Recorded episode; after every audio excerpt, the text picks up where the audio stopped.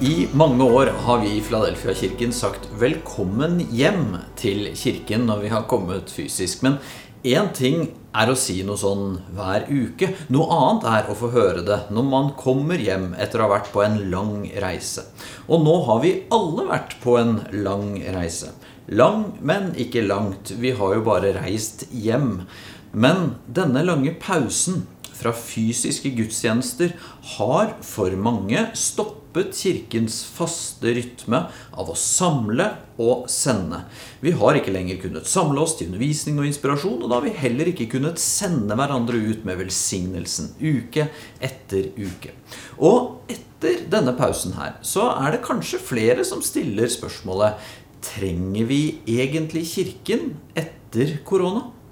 Mange har lagt nye vaner, føler de har fått lengre helg, flere turer i marka, roligere rytme. Er det egentlig noe vesentlig som blir borte? Hvis du forholder deg til tro som en teori du sier deg mer eller mindre enig i, da trenger du kanskje ikke kirke på kort sikt. Da blir du som en som har bestemt deg for hvilket parti du skal stemme på en gang for alle. Men det er ikke det kirke er eller fins for. Filadelfia-kirken fins for å lede mennesker som ennå ikke tror, til helhjertet etterfølgelse av Jesus. Så for å svare på spørsmålet om kirken trengs etter korona, så skal vi de neste søndagene se på temaer som hellige handlinger versus tilfeldige om de felles kristne praksisene våre. Vi skal se på deltaker versus tilskuer om vårt oppdrag i livet. Og vi skal se på familie versus kunde om vår identitet som kristne. Og så, i dag, så er overskriften 'Den store fortellingen versus den lille fortellingen'. Og Målet vårt med denne serien gudstjenester det er at både du som pleier å være i Fladelfia-kirken fysisk eller her online, eller du som er helt ny i byen, ny i troen, at du skal kunne få svar på hvorfor kirke fins og er mer aktuelt og nødvendig enn noen gang før. Så hva mener vi da med den store versus den lille fortellingen? Den store fortellingen, det er den kristne fortellingen som Bibelen og historien viser oss. Mens den lille fortellingen, det er den vi har rundt oss hele tiden i vår samtid, mediebilde og egentlig også vår naturlige dragning som mennesker. Og fordi vi i større grad enn de fleste av oss kanskje vet eller innrømmer, så styrer vi livene våre ut ifra hvilken fortelling vi forteller oss selv om oss selv. Så vi trenger det kristne fellesskapet. Nå vil jeg risse opp de store delene i den kristne fortellingen opp mot den lille. Og så tenkte jeg til slutt vi skulle prøve å applisere denne fortellingen på to situasjoner vi alle møter. Først når vi krangler med noen vi er glad i, og deretter i møte med FNs klimarapport. Så heng på. Hvordan begynner en fortelling? Den begynner jo med starten. Hvor kommer vi fra? I den lille fortellingen så tenker vi ikke noe særlig større enn at vi bare er her, tilfeldig, og at vi får gjøre det beste ut av det. Men det er ikke noen mening bak i den lille fortellingen. Men i den store kristne fortellingen så sier vi mot dette at vi er skapt. Så skapt og skapelse er den første delen av fortellingen. Ikke bare vi, men hele skaperverket er skapt. Paulus skriver det sånn her. For i Han er alt blitt skapt, i himmelen og på jorden. Det synlige og det usynlige, troner og herskere og makter og åndskrefter. Alt er skapt ved ham og til ham. Ja vel, hva så, kan du spørre? Men dette, det gir jo en dobbel glede over alt som er godt i livet. Natur, kunst, litteratur, musikk, det har en verdi i seg selv som vakkert, absolutt. Men en fortelling om skapelse som rammer rundt livet vårt, det vitner jo også om en god skaper bak. Gamle, kloke kong Salomo sa det sånn her. Ingenting er bedre for et menneske enn å spise og drikke og unne seg gode dager midt i alt sitt strev. Men jeg fikk se at også dette kommer fra Guds ånd. For hvem kan spise og være glad uten at det er gitt av Han? Den store fortellingen gir oss altså en adresse å takke. Ethvert deilig måltid bærer i seg en, en ettervarme, et ekko etter skapelsen. Og den store fortellingen om at alt er skapt, det hjelper oss å unngå to grøfter når det gjelder det skapte. Den ene grøften det er å ha et for lavt syn på det skapte. Altså at vi tenker at alt bare er tilfeldig og meningsløst. Men tvert imot, det er vi er skapt, og alt er skapt og ment vakkert. Men den andre grøften det er å ha et for høyt syn på det skapte. Altså at vi tenker at tingene er målet i seg selv. Paulus skrev til de kristne i Roma om faren ved at noen dyrket det skapte i stedet for skaperen.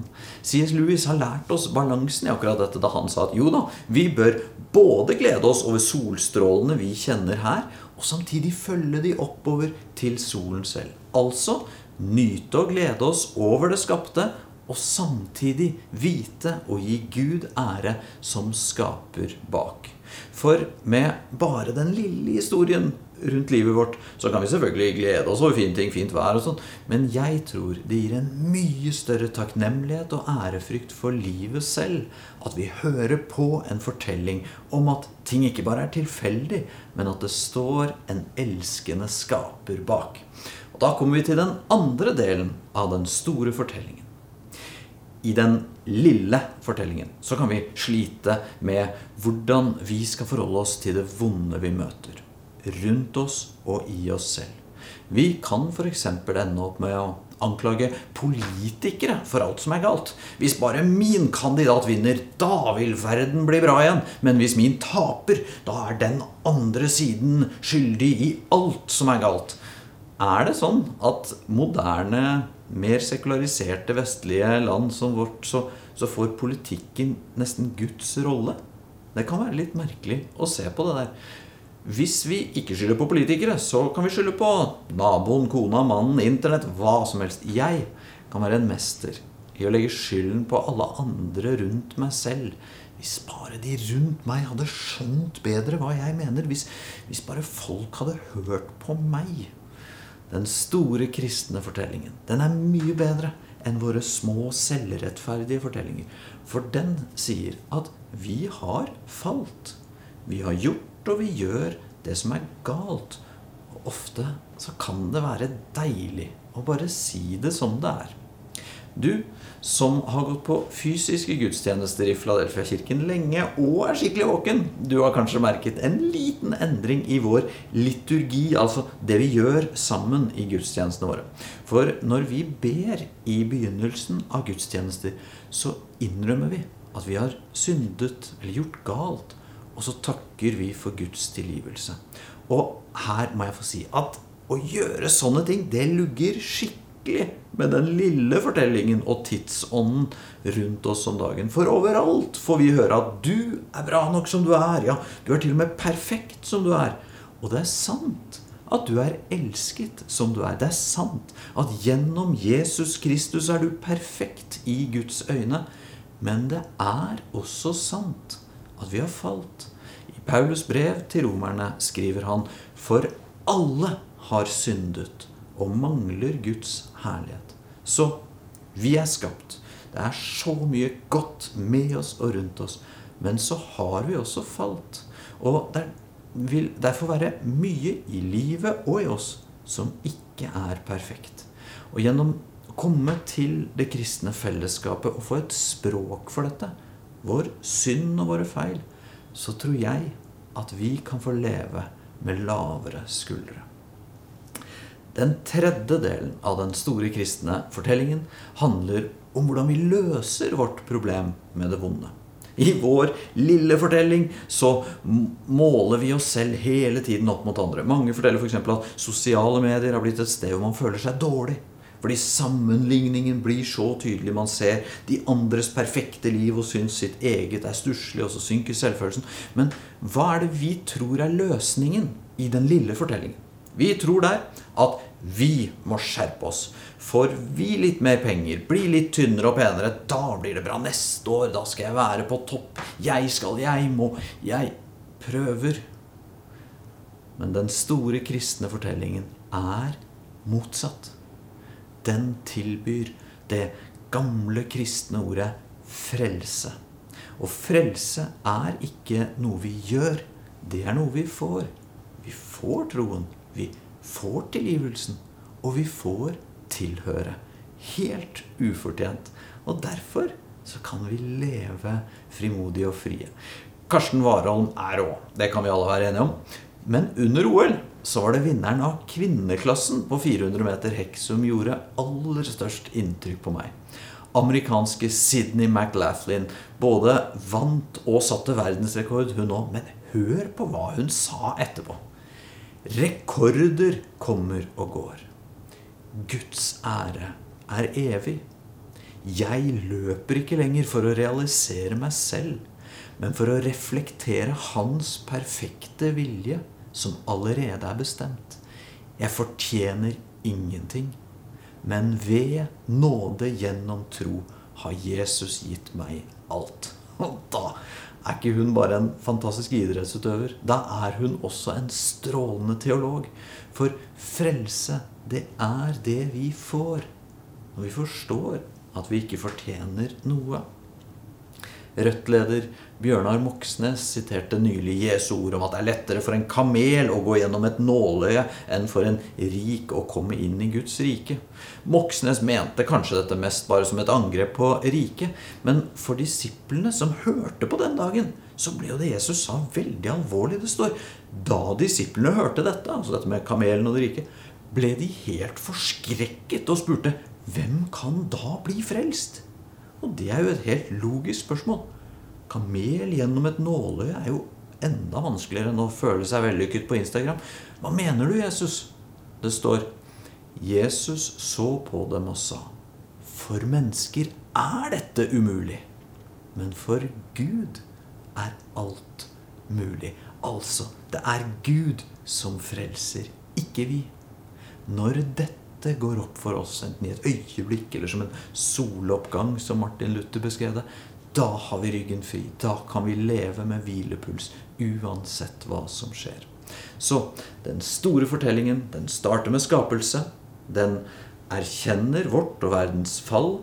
Vi er større syndere enn den lille fortellingen sier oss. Men så sier den store fortellingen at vi får frelse. At vi er mye høyere elsket enn vi noen gang kan forstå. Ved Guds nåde alene. Men så til slutt så peker historien også fremover mot den fjerde og siste delen av den store fortellingen, som heter gjenopprettelse. For den lille fortellingen, den vi hører om vi ikke er koblet på fellesskap som minner oss om denne store, det er at i beste fall så er det stor usikkerhet om fremtiden. Og mest sannsynlig så vil ting bare falle fra hverandre. Om det er konflikter, krig eller klima, så går det i hvert fall under. Og av og til har kristen tro spilt med på denne forestillingen at alt bare skal bli verre og verre, og verre, og så skal jorden gå under, mens våre sjeler skal fly opp til himmelen. Men dette er faktisk et verdensbilde mer inspirert av greske filosofer som Platon enn av Jesus. Jødene så på himmel og jord som hver sin halvdel av Guds skapelse. Guds del og menneskenes del. Så i bønnen Jesus lærte oss å be, så ber vi jo La din vilje skje på jorden slik som i himmelen. Og så lærte Jesus at nyskapelsen, gjenopprettelsen, oppstandelsen, det skal skje med hele skaperverket, ikke bare med menneskenes sjeler, som grekerne trodde. Johannes, Jesu venn, skriver om dette og sier Og jeg så en ny himmel og en ny jord. Og så slutter ikke historien med at sjelene flyr opp til himmelen, men at Guds rike kommer ned. Som en by, by the way, Senterpartiet. Og det står Og jeg så den hellige byen, den nye Jerusalem, stige ned fra himmelen fra Gud, gjort i stand og pyntet som en brud for sin brudgom. Jødene ventet altså på en ny himmel og en ny jord. At forholdet mellom himmel og jord skulle bli helt sånn som det var ment. Hva da? Med, med alle de som dør før dette skjer. Vi skal snakke forsiktig om ting vi ikke har sett. Men det ser ut som Jesu første etterfølgere. De ventet på å få komme til et godt ventested sammen med Jesus før Guds rike gjenopprettes helt med ny himmel og ny jord. Jesus sa jo at han skulle gå foran og forberede et sted for dem. Han sa til røveren på korset at han skulle få være med til paradis. Altså et godt sted der alle som har gått foran, venter sammen med oss som fortsatt er her, på gjenopprettelsen. Guds rike helt. Den nye himmel og den nye jord som er på vei. Ikke bare himmel, men også jord. Ikke bare sjeler, men også kropper. Derfor sier vi i begravelser av jord skal du igjen oppstå. For i motsetning til grekerne så trodde de første kristne på kroppens oppstandelse, på en fullstendig gjenopprettelse. Så ting er ikke på vei nedenom, som i den lille fortellingen. Det er på vei mot gjenopprettelse. At ting blir sånn som Gud ville det. Så til slutt, da. Appliseringen. Andreas, nå var det mye store begreper her. Hvordan kan den store kristne fortellingen hjelpe oss når vi krangler, og når vi leser FNs klimarapport? Krangel først. Det er så lett i konflikt å tenke at den andre personen er dum, slem eller ubrukelig. Men i lys av den store fortellingen så er den andre personen like skapt av Gud som meg selv. Og videre når vi krangler, så er det jo så lett for sånne som meg særlig å kjenne på at jeg har så mye sånt i meg som syns jeg er bedre enn den andre. Jeg, jeg ville ikke vært like hard og like litelyttende som deg. Ja, til alle som har kranglet med meg. Så store blindsoner kan man faktisk ha. man tenker sånn. Så, eh, men den store fortellingen om fall minner meg og deg om at jeg selv har falt. Jeg selv har syndet. Og jeg selv er ikke bedre enn den jeg krangler med. Jeg har ingen grunn til å komme i konflikt ovenfra og ned hvis jeg ser i lys av den store fortellingen om fall. Samtidig frelse minner meg om at jeg og den jeg krangler med, er elsket ufortjent. Altså kommer jeg heller ikke for mye nedenfra i en konflikt. For jeg er et menneske som Gud fant verdt å elske. Og når jeg selv har mottatt nåde, kan jeg da forsøke å gi nåde videre. Så vi er skapt. Vi erkjenner at vi har falt, så vi kommer ikke ovenfra og ned. Men vi er frelst, vi er elsket, så vi kommer heller ikke for mye nedenfra.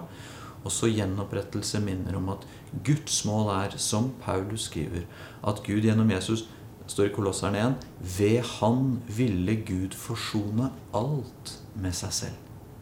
Verden er på vei mot gjenopprettelse, og vi kan koble oss på den bevegelsen Gud gjør med å søke forsoning. Det går ikke alltid.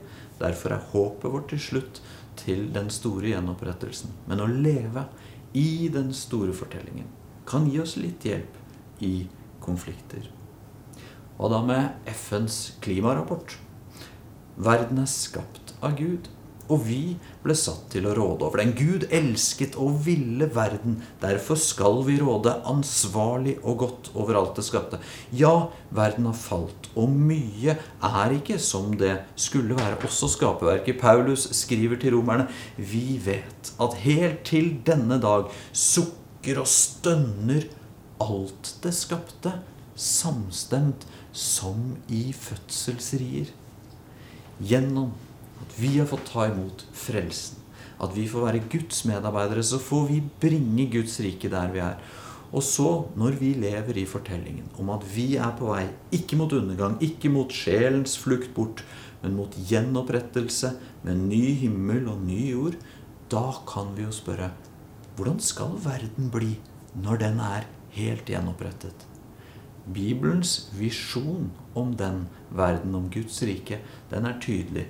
Da skal de fattige ta sånn om, og da skal jorden også ha det bra. F.eks. Jesaja så det sånn her og sa ørken og tørt land skal glede seg. Ødemarken skal juble og blomstre, som liljen skal den blomstre. Så alle som har tenkt Å være en del av Guds rike når det kommer helt, bør allerede nå arbeide for at det begynner å skje i dag, det som en dag skal skje helt. For det er Guds vilje. Så det betyr at i lys av den store fortellingen så har vi en teologisk begrunnelse for å ta ansvar for det skapte. Så vi lever i skapelse, fall, frelse og gjenopprettelse. Og den store fortellingen vil hjelpe oss i hele livet. Så er Kirken satt for å fortelle denne historien. Og du og jeg, vi er ment å være koblet på dette fellesskapet som minner oss om denne fortellingen igjen og igjen. Gud velsigne deg.